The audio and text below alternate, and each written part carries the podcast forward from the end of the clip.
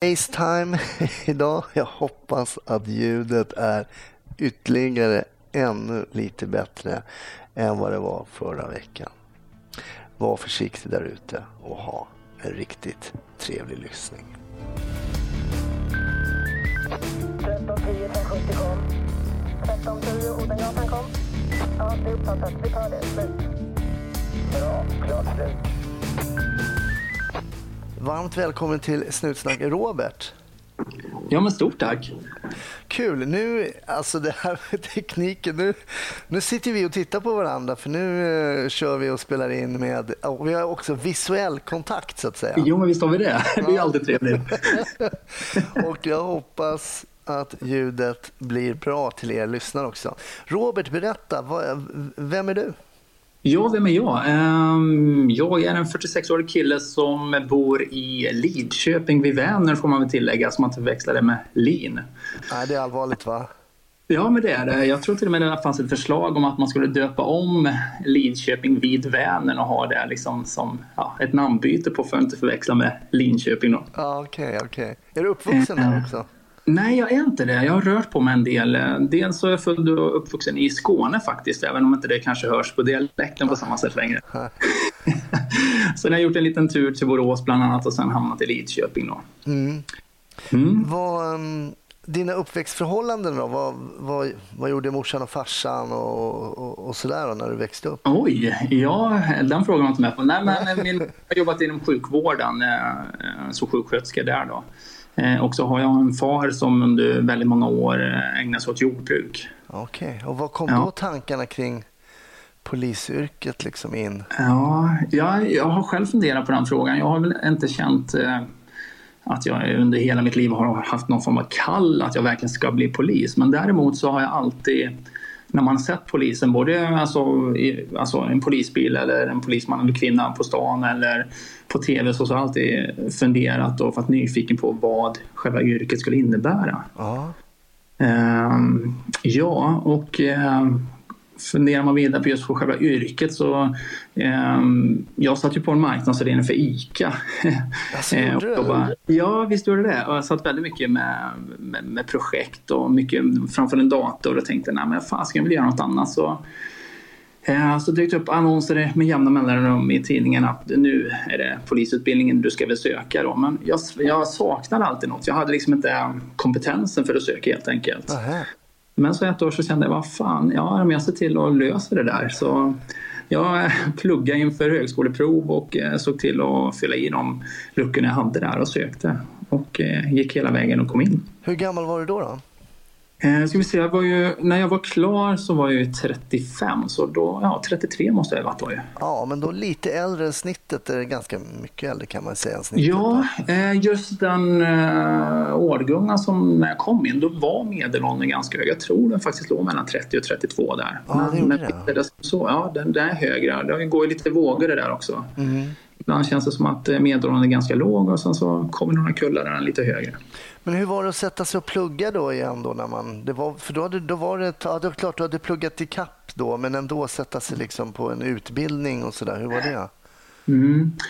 Eh, nej, men det var inga större problem. Alltså för, um, ja, dels har jag inte så jättesvårt för att läsa i den bemärkelsen men, men utbildning som sådan är ju så otroligt mycket mer än att, att liksom det, det, är ju upplevelser, erfarenheter, ta del av andras livsöden. Alltså, så det, det är så ofantligt många olika delar i polisutbildning. Så någonstans så ibland kände jag inte som att det var det här traditionella att plugga utan man levde och var på skolan och var inne i det och jag upplevde väl egentligen som att jag läste i den bemärkelsen. Nej.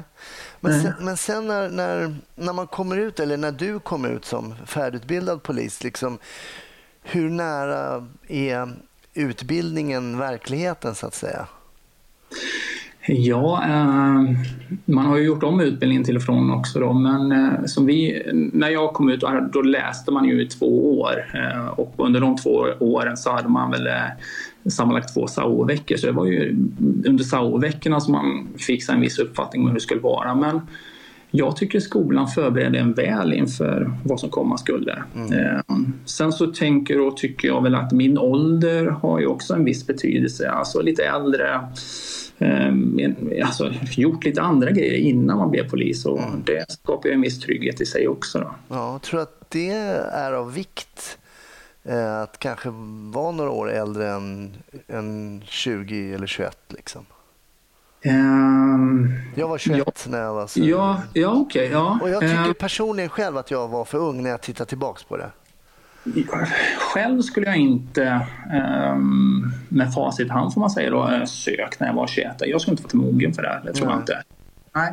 Så för min del så, så, så Visst, jag skulle önska att det var några år yngre ändå när jag sökte. Um, men, um, men jag tror att för min egen del så så har det skapat en viss trygghet att faktiskt vara lite äldre när man utbildar sig till polis och faktiskt är klar som polis också. Mm. Mm. Hade du någon målbild kring vad du ville göra? Liksom? För det finns ju många yrken i yrket sådär. Mm. Eh, men hade du något tänk kring, liksom, du hade varit ute på praktik och du hade liksom, de här olika utbildningsdelarna. Hade du några tankar kring vad, någon målbild liksom, i framtiden? Mm. Um, jag hade nog målbilden att börja på ingripande polisen eller IGV då, uh, och vara där. Och uh, var där under många år också och trivdes uh, förbaskat bra med det. Sen är det ju som säger, det finns ju ofantligt många olika delar inom polisyrket. Ja, och jag vet väl fortfarande inte riktigt 100% vad jag vill längre. Men, men kärnverksamheten som jag kallar IGV, eller liksom alltså, den, den brinner jag för. Och, och Ehm, ja, det, är, det är ett ställe där det är förbaskat kul att jobba. Så är det. Var, varför brinner du just för eh, ingripande verksamheten? Då? Vad gör att du brinner för det? Ja, jag jobbar ju inte kvar som ingripande polis eh, längre. Eh, men däremot så tycker jag det där liksom... Eh, det är ju där... Vad ska man säga? Alltså, eh, det är ju där det mötet med människorna äger rum. Det är ju där de initiala mm, utredningsåtgärderna vidtas. Det är ju där det är de eh, tjejerna och killarna som, som syns där ute som, som allmänheten kommer i kontakt med. Och det är där också vi det kanske då också lägger en form av grund för tillit. Eh, ehm, ja, ja, det är ju där allmänheten oftast får kontakt med oss. Då. Mm. Jag har mm. funderat på det ibland, för det är ju dit oftast man, när man är klar så börjar man på ingripande verksamheten och sen är, då blir det alltså med automatik därifrån man alltid lämnar först. Mm. Alltså man lämnar, man har då en bild oftast att någon annanstans är det ju bättre. så att säga. Det rör ju inte alltid yrket, det kan ju röra allting i livet. Liksom. Man tror att ah, men vänta, nu är jag här, men det är ju lite bättre på Säpo eller på livvakten eller på piketen eller, på, eller på, som tekniker. Man kanske skulle börja någon annanstans så att folk mer sökte sig till det. Jag vet, jag vet inte, det var bara en spontan tanke. Det blir, det blir alltid det här att man, folk ska lämna för någonting annat som kanske inte alltid är mer intressant. För det är ju väldigt, väldigt mycket som händer just på ingripande verksamheten. Det är ju där allt sker egentligen. Jo, men det är det absolut. Ehm, det jag skulle kunna tänka mig, alltså jag, min, min känsla ändå att jag, jag inbillar mig och tror att eh, mycket av förståelsen för yrket eh, lägger man eh, som grund för just i ingripande verksamheten. Mm, mm. Och jag tror tycker också att man kanske skulle göra ett x antal år på ingripande polis eller verksamheten då och sen kanske gå in på utredningen ett tag för att sen då ha möjligheten att komma tillbaka till ingripande eh, verksamheten just för då får ju du också förståelsen för hur dina initiala åtgärder påverkar slutresultatet av själva förundersökningen. Mm. Så där tror jag är ett steg som man skulle kunna gå. Och man jobbar ju delvis så med rotationsplatser och så där man kan och har möjligheten att gå in och jobba som utredare. Mm. Um, mm, så det, det, tror jag också på. Men för, för mig så tycker jag det är viktigt att vara i yttre tjänst och jobba för jag tror det är där man skapar en stor förståelse för polisyrket. Mm. Vad gör du just mm. idag då? Vad sitter du på för tjänst idag? Ja, um, jag jobbar ju som ingripande polis uh, mellan 2009 och 2016 där. Um, och eh, hade vi egentligen ingen för avsikt att söka mig därifrån utifrån att jag kände mig klar med IGV. Utan jag trivdes jättebra med arbetsuppgifterna. Jag trivdes bra med, med att vara en del av ett turlag, den gemenskap som, som liksom skapas när man är en del av ett turlag. Uh, och hade inga problem direkt heller av att jobba nätter och treskift. Ehm, men det var lite andra delar som gjorde att jag sökte och eh, fick tjänsten som en kommunpolis. Mm. Eh, och jobbade då som kommunpolis då i nästan fyra år fram till ja, nästan 2020 här då. Och nu då så sitter jag faktiskt som ungdomsutredare sedan årsskiftet 2020 här. Okej. Ja, Vad skulle du säga var skillnaden mellan IGV då och kommunpolis? Ja, ehm, kommunpolisen, eh, ja det var ju en helt ny tjänst som kom eh, som skulle vara en del av- av att komma närmare medborgarna, eh, vara en del av ehm, Alltså öka samverkan, en kontaktyta mot både myndigheter, näringslivet, eh, ja, allmänheten faktiskt också, skolor. Eh, och eh, som faktiskt då till viss del då ja, skulle ansvara för det brottsförebyggande arbetet där. Eh, och det var ju en tjänst som var ny och där man fick ett stort utrymme till att faktiskt kunna påverka den själv, delvis vad man då ville hamna med tjänsten där. Ehm, ehm, men ja, ehm, vad ska jag säga om den då? När jag kom på plats där så, så saknade jag saknade just, vi hade inte områdespolis på plats. Så att sätta en kommunpolis på plats för områdespoliserna som kanske då är poliser som kanske i större utsträckning ska jobba med samverkan. När de inte fanns på plats så, så blev det ett visst glapp där som gjorde att jag kände att det, det var svårjobbat helt enkelt. Ja, okej. Ja. Och nu är du ungdomsutredare. Ja, Och det är mycket, alltså vi läser ju mycket om ungdomar och särskilt ungdomar Ja. som gör saker som kanske inte alltid det skjuts och det härjas lite här och där. mm. Hur har ni med era ungdomar i Lidköping? Ja, eh, jag har ju som ungdomsutredare så har man ju ansvar för hela eh, västra Skaraborg, vilket består av sex kommuner. Okej. Mm. Eh, Nu vågar jag inte svara på många invånarantal vi har alla sex, men just Lidköping är ju 40 000 invånare där. Nej, men som ungdomsutredare så kan man ju vara den första kontakten som faktiskt ungdomar har med och så även deras föräldrar. Mm. Så det är ju ett väldigt intressant, en, en intressant arbetsuppgift ändå och där jag funderar mycket på just eh, som ungdomsutredare, det personliga mötet. Alltså det skulle kunna vara en, en ungdom som det är första och sista gången som den har med en polis att göra. Eller så skulle det kunna vara ett möte där den här ungdomen då kommer vara återkommande. Mm. Så ja, men det, det, det är ett ganska intressant yrke, och, och, eller tjänst får man väl säga då. Och jag funderar väldigt mycket på just min roll i det personliga mötet. Eh, Har man någon påverkan på den här ungdomen under den tiden man då träffar dem, i till exempel samband med ett förhör? Just det. Ja. Vad tänker du på då kring, för det, det är ju förståeligt det du säger att det är av liksom oerhörd vikt alltså med första mötet eh, när man möter en polis och man har väl kanske då som ungdom då också fördomar kring hur polisen ska vara och bete sig och sådär. Vad, vad, vad tänker du om du till exempel ska hålla ett förhör eh, med en ungdom?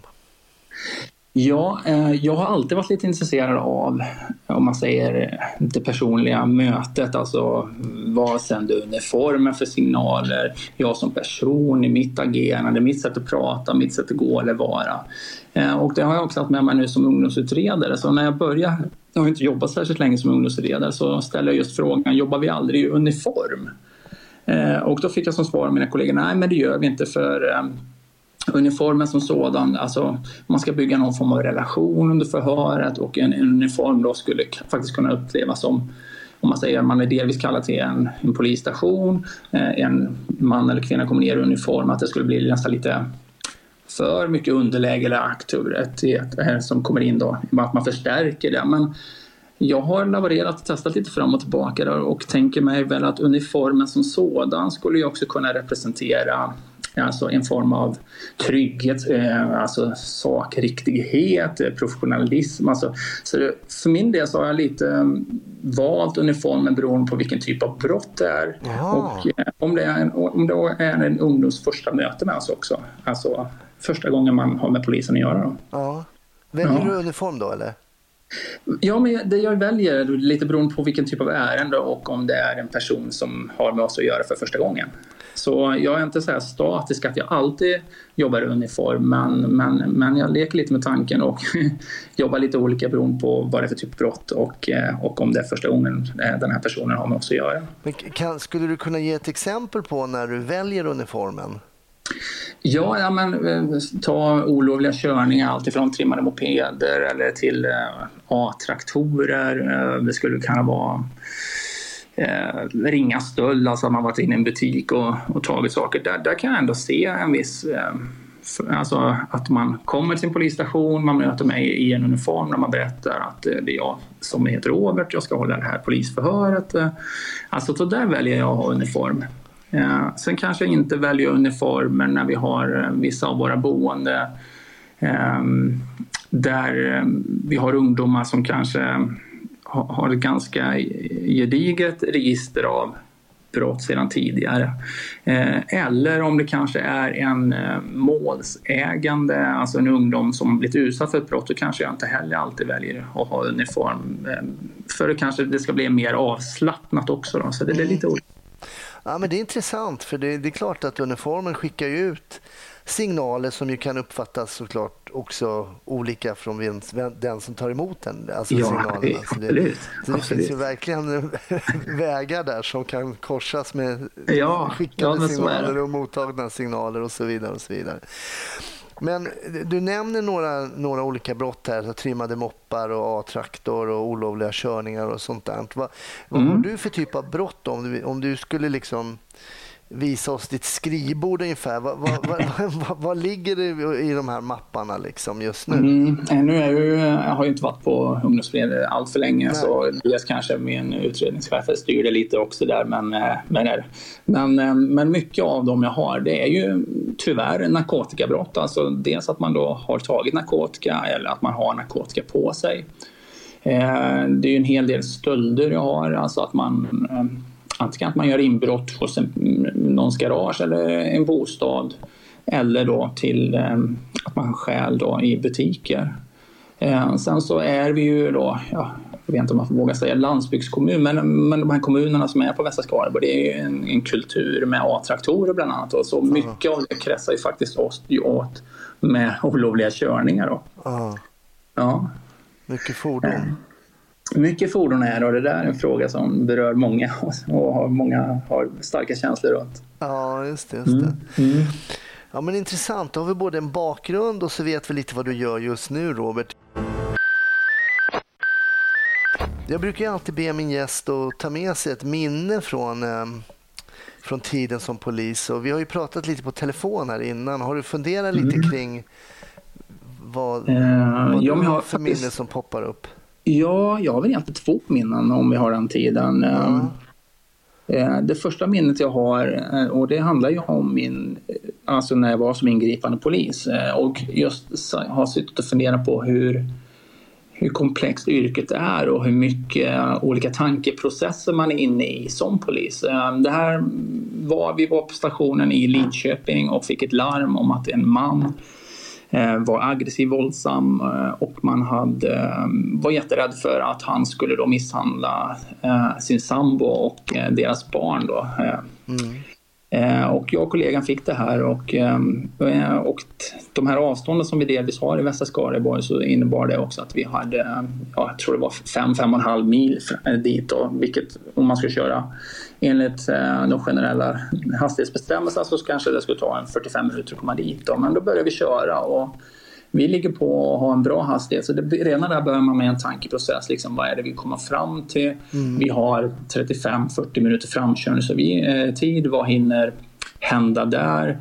Eh, den hastighet vi färdas i. Vad händer om ett rådjur springer ut eller en älg? Alltså det är ganska mycket tankar under tiden på bara eh, man sitter på väg fram, bollar med kollegan, vad tror vi har framför oss och sådär. Ja. Eh, så där börjar tankeprocessen och den mentala förberedelsen också för det här jobbet. Liksom, vad är det vi har framför oss? På vilket sätt skulle vi kunna optimera vår anspänning för att liksom kunna göra så bra jobb som möjligt när vi kommer fram? Mm. Eh, när vi kommer fram så är det en granne som har nyckeln så vi, vi kommer faktiskt in i bostaden utan några som helst problem och låser upp. Då. Och direkt när vi kommer in i bostaden då är väggar, speglar, sönderslaget, det är blod längs väggarna. Så man blir så vad, vad fasiken har hänt här? Just eh, och vi kommer in och eh, ganska snart får vi syn på en man eh, som vi lyckas, eh, han är inte ja, alltså, ganska lätt hanterbar till att börja med. Så vi får med honom in i köket och eh, jag frågar kollegan lite snabbt, har du koll? För jag vill ju gå vidare för att se var finns kvinnan, var finns barnen? Mm. Eh, kollegan har koll, jag går vidare in i den här bostaden och öppnar dörren till ett sovrum. Eh, där jag då ser en kvinna och tre barn sitta i en säng. Okay. Eh, ja, och innanför dörren ligger det två knivar, blodiga knivar. Så jag försöker bara få kontakt med kvinnan liksom, så jag ser alltså att allt är bra med henne och barnen. Så jag hinner bara i stort sett ut, eh, byta en blick med henne titta på barnen och med lugn och fin ton. Hej, är ni fortfarande vakna så här sent? Alltså för att inte skrämma upp dem. Jag tänker liksom en polis som bara dånar in också där. ah, just det. Just det ja. Ja, men just när jag har fått fram de här orden och egentligen bara kunnat konstatera att de verkar må bra. Då brakar det ju loss i köket och ger sig den här mannen på kollegan. Okay. Och då är det ju en tempoväxling in där, eh, liksom brottas eh, och ibland när jag blir lite stressad då höjer jag rösten. Liksom, Vad i helvete håller du på med? Liksom, och så får vi kontroll med honom, får dit en patrull som hämtar den här mannen då.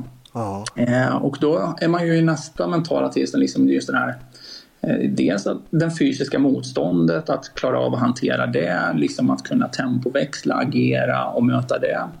Eh, sen när den här eh, patrullen kommer på platsen och får bort mannen, då är det ju ner i nästa tempoläge igen att försöka faktiskt prata med kvinnan, ta upp en anmälan, inte skrämma barnen. Finns det någon som kan komma dit och prata med henne? Varpå föräldrarna kommer dit och berättar vad som kommer hända. Och sen då eh, så småningom då ha med sig tillräckligt bra utredningsuppgifter för att kunna ha en anmälan på vad det är som har hänt. Då. Just det. Ja, så det är ganska mycket man... Jag tänk, tänker ofta på det här caset just hur mycket ehm, alltså olika mentala delar man har i mm. sin egen säkerhet. Vad är det som händer? Kollegan kommer ju klara av det. Alltså hur man eh, optimerar sin mentala förberedelse helt enkelt och på vilket sätt man behöver tempoväxla från att då eh, faktiskt rent fysiskt agera till att då kanske vara väldigt mjuk och saklig eller kunna förmedla information eller till exempel då inte skrämma upp barn i det här fallet. Då. Så ja. det, det, det. det är jätteintressant, jätteintressanta vinklar tycker jag därför att det här är ju ett ärende som som ute i, i vårt land är väldigt vanligt. Våld i nära mm. relation. Mm. Många poliser har ju varit på det här ett flertal gånger. Mm. Man kan läsa om det i tidningarna om att det har hänt någonting någon gång och sådär. Och så kanske man funderar, ja polisen åkte dit och fixade det. Liksom. Ja, eh, men när du beskriver det här så, så, så blir det ju på så många olika plan intressant att bara redan när ni är på väg dit så så vet man inte vad man ska möta. Hur ser personen ut? Bara det är ju alltid helt fel. Ja, ja, ja. Eh, hur frun ser ut är helt fel. Det är som man har pratat med någon i telefon. Man, vet aldrig, man kan aldrig bedöma någonting. Och bara ibland eh, förvåning över hur folks utseenden inte stämmer med vad man har för bild. Har du kunnat mm. reagera på det ibland också? Att jo, men det kan personer absolut, ja. kanske man tänker att han är stor och stark och så är han tvärtom. Eller så han, tror man att han är liten och sen stor och stark. och det går åt båda hållen. Där. Ja, det går åt båda hållen. Ja. Men sen de här växlingarna som, du, som är så intressanta i eh, du, du, du nämner det som tempoväxlingar och det är ju det mm. både i, i fysiska tempoväxlingar men just de här Alltså, du sa att du blev högljudd när du liksom blir stressad och tar i och mm. sådär. Mm. Men samtidigt använda rösten mot barnen då på ett annat sätt. Kommer det här med automatik eller hur, hur jobbar man kring en sån sak? Jag är väldigt intresserad av det, det kommunikativa förhållningssättet. Vi, vi har ju en utbildning, alltså POLCON kallar vi, alltså polisiär eh, konflikthantering. Ja eh, som handlar om att förebygga just konfrontationer och våld. Och det handlar ju också om att agera rättssäkert och att minska, minska riskerna faktiskt för både agerande poliser och de vi har att göra med, alltså utomstående. Eh, och tar man just Polkon så är den uppbyggd på olika delar där kommunikation är en Ja. Eh, och en röst är ju ett sätt att jobba med kommunikation. Mm. Ehm, och ehm, tar man Polkon där, då är ju andra delar också som stresshantering, man har ju den mentala förberedelsen man pratar om. Så, så visst, eh, dels har vi det under utbildningen och dels så jobbar vi med det under vår tid som alltså, ingripande poliser, så är det. Mm. Mm. Sen så har ju olika personer olika fallenheter också för det givetvis. Så är det. Nej, men det är ju så intressant eh, när man har jobbat eh, som polis så får man ju fördelen att jobba med många olika andra människor som Visst jobbar, är det så. jobbar med. Och där ser man ju att vi är ju duktiga på olika saker. Absolut. Och en del är ju oerhört duktiga just på den där kommunikationsbiten och att tala med människor, ta in det de säger, lyssna, Mm. studsa tillbaks eh, och är ju fantastiska förhörsledare. Medan, medan en del vill man inte ens sätta in i förhör med folk för de, de, Nej, men så är det. Så, bra, va? absolut. Ja. Så att, men jag tror att man skulle behöva ännu mer sånt där på skolan, just de här kommunikationsbitarna. Eh, lite, mm, lite mer sånt. Jag tror att man jobbar på det lite mer idag än när jag gick på skolan. Men Mm. Nej, men jag tyckte vi hade mycket. Ja, ni hade det. Ja. Ja, och jag tycker också Polkon, alltså den utbildningen, alltså, den, innehåller väldigt mycket av de delarna. Ja. Sen så får man ju själv också givetvis eh, personligen reflektera. Vad- Alltså, om jag som polisman eller kvinna med, med alltid möts av våldsam, våldsam motstånd till exempel. Ja, det kanske inte ligger hos den jag möter alltid utan hur agerar jag? På vilket sätt? Vad sänder jag för signaler? Så, Ja. ja, nej. ja, det är ju väldigt intressant. Men det är ett viktigt, eh, det är ett viktigt kunskapsområde. Och jag, jag är fascinerad och jag gillar att fundera runt de bitarna. Jag kan tänka mig att du har varit på en del liknande ärenden som det du Mm. berättade. Varför är just det här ärendet som kom upp i Ja, minnet? Ja, dels är det återigen hur jag fick växla mellan dels min då framkörningen, kommer vi krocka, eh, till vad kommer vi mötas av, kommer vi fysiskt hantera det, vad har hänt med den här kvinnan och barnen innan jag ens kommer fram, eh, till då återigen att vara lugn inför barn och kvinna, till att tempoväxla upp, och kanske agera då fysiskt, sen då tempoväxla ner igen, kunna själv liksom vara tillräckligt där närvarande för att ta upp en bra anmälan, mm. hantera både barnen och kvinnan. Det. Eh, men det som också gjorde att jag kom ihåg det här, det, det, jag såg sådana signaler också på på kylskåpet så fanns ett brev hur den här mannen hade skrivit eh, och jag blev rädd när jag läste brevet för det, han, enligt mig då och min erfarenhet så var det sådana otroliga kontroll Eh, alltså, det kändes som att han hade en otrolig kontroll över henne som kanske i sig också då grundades av att han var väldigt kär i den här flickan då, och kanske väldigt rädd för att förlora henne. Men, eh, och den här händelsen, eh, med all rätt så tänker man ju på kvinnan och barnen i, i det första skedet. Eh, kontaktförbud, att han inte får träffa dem och den här biten. Men det som är tragiskt i det här också det, det, det är att faktiskt mannen tog livet av sig senare. Okay. Ja, och det är unga människor vi gör med och ja, det är ju faktiskt eh, ett ungt liv för det första som då, som då är en person som inte finns längre och eh, som dessutom då har barn eh, som inte har någon pappa längre. Så det, mm. så det är många olika delar i det här ärendet som gör att jag kommer ihåg det. Ja, jag förstår. Mm. Eh, ja, men väldigt intressant Robert om ett ärende som är så att säga citat vanligt. Eh, ja, ja, men det är det. Inga ovanligheter. Liksom, de, de, den komplexitet som ändå finns i ett enkelt polisiärt ärende, så att säga. Utan vi pratar inte om en avancerad mordutredning, utan vi pratar om eh, en, ett misshandelsärende, våld i nära relation. Mm, mm. Intressanta tankar kring, kring ett sånt jobb. Du berättade att du hade två. Du, du sa att ja, till... den andra, alltså, vi pratade lite om det här med eh, när man får ett ärende till sig, liksom, hur man då målar upp en bild på av hur ser personen vi kommer möta ut, är stor, liten och så. Alltså, ärendena kan ju verkligen vara, och ena stunden så är, tänker man, ja men det här är absolut ingenting och så, så blir det något utav, helt utav denna värld och, eh, och så finns det situationer där det är tvärtom, där man går in med 110 procent och tänker att det här är ett jätteallvarligt brott och så visar det sig när vi väl kommer fram att det är ingenting.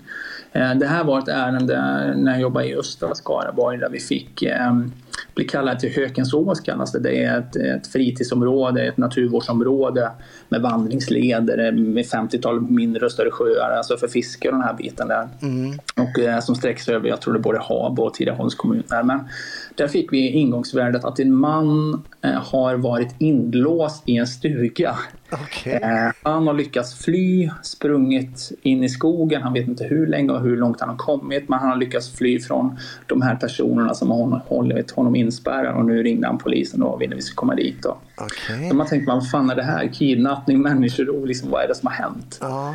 Eh, Så vi åker dit eh, och får tag i den här mannen, en kalsongklädd man. Eh, och ja, men, ja, han upplevdes ju som lite berusad men ändå kunde absolut klar, alltså redogöra för vad det var som hade hänt. Men vi fick ändå inte ihop hela pusslet där så vi försökte åka runt för. Han, han, han hörde hemma just där och den helgen i en stugby, ett x antal stugor där. Så vi försökte åka runt där. Men liksom vilken stuga har du då varit inspärrad i? Eller eller vilken stuga har du bott i innan du blir bortrövad då? Och efter ett tag så får vi reda på vilken stuga det är. Och, vi, eh, och när jag står vid den här stugan så, så, och knackar på så ser jag ett litet fönster som är öppet och när vi knackar på så öppnar en naken man och så undrar han vad polisen gör där. Och så säger vi att ja, men vi har en kille i bilen och han säger att han hör hemma i den här stugan. Var på den här killen säger ja det gör han. Vi undrar vad fanken han har tagit vägen. För den här mannen han är ju dels nedkyld, han har sprungit till skogs och har rivsår över hela kroppen. Han har ett avbrutet nyckelben med som han menar på att de här männen har orsakat honom då. Men när vi står där och pratar med den här nakna mannen i alla fall som har, som har öppnat så förstår vi att det här är ju fem, sex killar som åkt dit för att fiska. De har haft en trevlig kväll och kanske då i, tagit lite alkohol och sådär.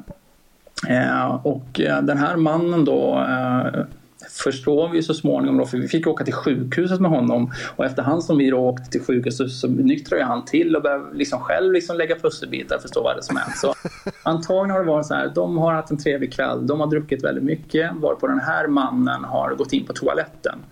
Eh, På toaletten har han satt sig en sovstund eh, och när han väl vaknar så lyckas han inte öppna toalettdörren varpå han då upplever som att han är inspärrad, någon har låst in honom.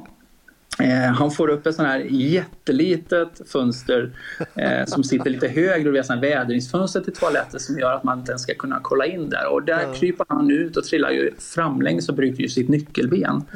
Varpå han sen bara fullkomligt springer rätt ut i skogen och till sist tar sig till en annan stuga. Så, så i det här fallet, han hade ju bara druckit eh, för mycket alkohol helt enkelt och inbillat sig då att, att folk hade kidnappat honom, att han var inlåst. Alltså, det var också en sån här känsla, liksom, eller vad är det som händer? Så, ja. Ja, udda. Nej, det finns många saker som är ja, ur, Men- ur denna världen alltså. Vi återgår till det du sa tidigare, det här om att, eh, att hålla förhör med ungdomar, att, Mm. eh, uniform kontra liksom, civila kläder. Men hur är det Mm. att stå liksom, och prata när det öppnar en naken man? Det förmedlar, det förmedlar ju också, det skickar också vissa signaler. Liksom.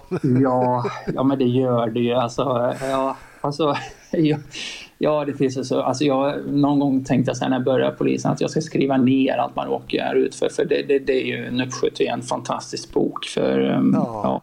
Och det här med nakenhet, det, det förekommer ju väldigt mycket. Alltså, ja, jag hade, vi kom in i ett, ett ja, det var individer med missbruksproblem som inte skulle vara kvar i en lägenhet i alla fall. Och vi sitter ju och pratar med tre män och en kvinna som sitter vid ett köksbord. Och det är inget konstigt med det utan de får förståelsen för att de ska lämna den här lägenheten. Men sen när kvinnan reser sig upp då har hon ju ett helt bart underliv så hon sitter ju bara i en t-shirt ingenting annat. Så det här med nakenhet och ja, nej.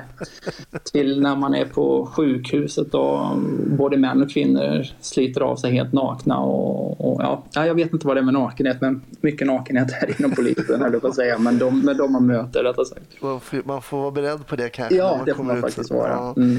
Men Robert, vad har du för, eh, hur ser din framtid ut då inom eh, polisen? Nu är du ju ganska ny här på de här eh, ungdomsutredningarna och så. Ja. Mm. Har du liksom någonting, kommer du, tror du att du kommer pensionera dig som polis? Ehm, alltså jag trivs med yrket. Ja. Eh, och som du var inne på tidigare, det, det finns eh, väldigt mycket olika delar man kan jobba inom som polis. Eh, nu känner jag att jag är så pass ny som ungdomsutredare så jag har ju en utmaning att bara alltså, komma in där och lära mig allt runt det. Alltså allt ifrån ja, bemöta, alltså förhör, utredningsuppgifter, alltså åklagarkontakter, föräldrar. Alltså det, det, det är väldigt mycket att lära sig där. Så just nu känner jag att jag behöver landa där först. Ja, Men det vet jag faktiskt inte. Jag fortfarande brinner för att eh, tycker att eh, ingripande polisverksamheten det, det är något visst med det på många olika sätt. Mm. Alltifrån det, ja. Det är inte så många som går tillbaks till innan man väl har lämnat då ingripande, Mm. kanske blivit utredare eller någonting annat, så, är det ju sällan man går tillbaks. Skulle du kunna tänka dig att liksom gå tillbaks till ingripande verksamheten efter några år till exempel? Mm. Eh, jag har ju fyller tänkt 50 och grejer. Ja, alltså det är ju, det är ju många olika delar med ingripande polisverksamheten. Dels är det ju Klarar man av det rent, alltså om man nu pratar två skift eller tre skift, alltså eh, har man den möjligheten beroende på ens familjesituation. Det är så många olika aspekter. Så, eh, och så, som jag upplever idag så är det ju ganska statiskt. Vi har tre skift och till viss del två skift.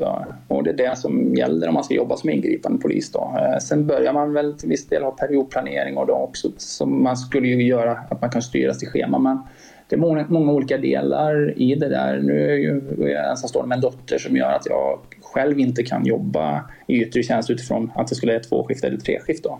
Men absolut, jag skulle vilja och kunna tänka mig att komma tillbaka dit också. Så är det. Jag har ju förmånen nu att eh, både under min tid som kommunpolis och nu som ungdomsutredare faktiskt ha, kunna förstärka som ingripande polis under en fyra veckors period på, under semestertiden. Alltså, och det, det har varit eh, jätteroligt och bra.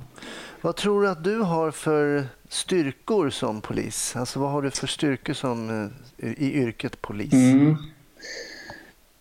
Ja, ehm, kan man säga att en styrka är kanske också en svaghet. Men jag, jag, jag ser mig som en, en reflekterande polis. Alltså, jag funderar och tänker mycket och eh, både utifrån de händelser jag råkar ut för till de ingripanden man gör.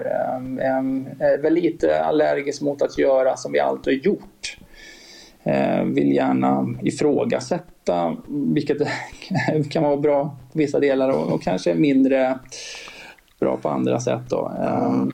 Nej, men med styrka tror jag ändå att jag, jag upplevs nog som sympatisk och jag tror att många människor har lätt att prata med mig. Mm. Det sen har jag ju ett utseende, jag är ju lite skäggig och som många nog upp, eller rent utseendemässigt upplever mig som lite mer barskare och så. Men, men börjar man väl prata med mig så, det, så upplever jag att många har lätt för att öppna sig för mig. Så det är väl en av mina styrkor tror jag. Ja. Mm. Um, vi brukar alltid runda av podden med att prata polisfilmer. Mm. Eller alltså, alltså polisyrket som underhållningsform. Mm. Eh, För det är ju ett oerhört liksom, omtalat yrke och liksom mytomspunnet och sådär. Så att, vi har ju sett många... eh, Det finns mycket film kring yrket polis. Är det någonting du eh, kollar på själv? Alltså, ibland känner jag att jag borde kanske göra det. Jag har ju stött på vissa, är det Norrmalmspolisen som går lite på tv. Ja. Vad är det mer? Va? Man har haft lite så här SOS Västkust och lite sådana grejer. Um, men jag har inte följt det så mycket som jag faktiskt skulle önska att jag gjorde. För jag tycker uh, de verkar vara bra, det, lilla jag har sett på det. Men fiction och sådär, och rena snutfilmer. Och, eh, Ja, hur, ja. hur kan du kolla på en svensk eh, polisfilm? Um, nej, jag har nog inte sett knappt någon Balland eller någon Beck eller ingen av de typen av filmer heller tyvärr. Ja, det är Uh, så? Ja. De, Ja, faktiskt. Jag, har, så jag har lite att titta ikapp där kan jag tänka mig. Man ska ju kolla det man gillar. Vad sa du nu? Ja, men man, man eh, måste ju kolla på det man gillar. Ja, jag är väl lite så. Nej, men så jag, jag, nej, jag tittar inte så mycket på, på just eh, fiction om man säger utifrån polisserier, tyvärr. Nej. Nej. Men om du skulle rekommendera lyssnarna någonting att någon liksom att om man lite förströelse på fritiden, vad, vad, vad gör du då, då? Om du inte är till exempel med, vi säger att du inte är med dottern och sådär utan har lite tid, tid över kanske. Vad, vad gör du? Läser du en bok då eller vad, vad gör du?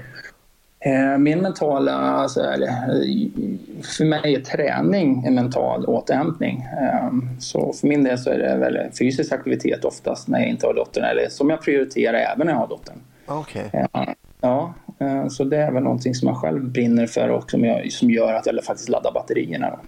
Vad är det för typ av fysisk aktivitet du kör då? Nej, men just nu har det, det har ju varit eh, mest eh, alltså, gym, löpning men också till viss del nu fått upp ögonen för crossfit. Då, så det är väl de tre delarna just nu eh, som har varit.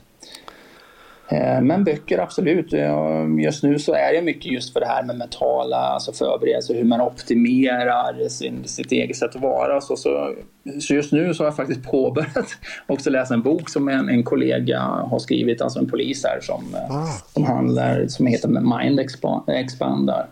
Och det handlar just om liksom just att få optimera sina förutsättningar för att nå, nå resultat liksom, under både hög och låg press bland annat. Då. Så det, det är väl också något som jag läser just nu. Alltså, Mm, vad heter det? Mind Expander? Ja, nej, Mind Expand. Det är Mattias Garhed heter killen som har skrivit den då. Okej. Ja, så Mind Expand, Expand heter den där. Så rekommendationen blir, rekommendationen blir Mind Expand och gymmet. Ja, precis. Ja, träning. Och, och då tänker jag lite så här, för folk är så fokuserade på träning och att man ska ha mål och man ska hela tiden prestera. För mig är snarare träningen ett sätt att gå dit utan att behöva ha de här kraven. Utan jag njuter av att få lyfta lite skrot eller springa någon mil i skogen. Det är mental återhämtning för mig. Just det. Ja, Ja, men det, är är, det. är väl ett bra tips. Och det är väl är många det. som, som, som behöver släppa ut, släppa ut kroppen. Liksom. Och jag också mer än vad man gör. Sådär. Det, det, och Mm. det är skönt också såklart. Visst är det det? Ja. Ja.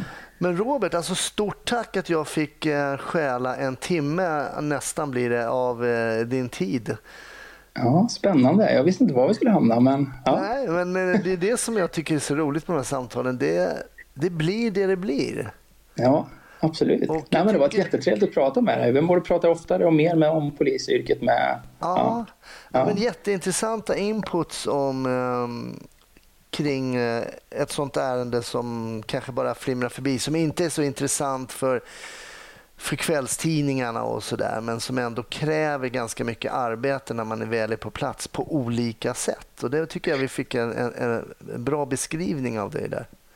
Ja, och äm, alltså, nu vet jag att det är... För just det här som man pratar om, eh, något som är rätt häftigt och fascinerande med polisyrket också, det är ju just det här om man tar medborgarnas otrygghet kontra om man säger den anmälda brottsligheten och sen då våra slutsatser om den verkliga brottsligheten. Vad ska man som polis ägna sig åt? Den är också rätt intressant. Men det kanske du inte tar med någon polis vid något vidare tillfälle. Ja, då får vi. Prioriteringar, alltså liksom allmänhetens förväntningar kontra vad då vi väljer eh, och ser att vi ska jobba med eller mot. Dem. Ja. Mm. ja, jag får hugga den eh, och föra den frågan vidare helt Ja, enkelt. Gör det. Ja. Ja. Ehm, ja, men stort tack nu och ha en fortsatt trevlig kväll. Eh, vi spelar in söndag kväll här innan vi sänder i tisdag så att, eh, vi är ganska nära inpå. Men det, Mm. Ja, men visst är det det. Alltså, Det är spännande att höra. ja. Ha det fint då. Du, tack själv. Ja, hej. Säg det. Hej.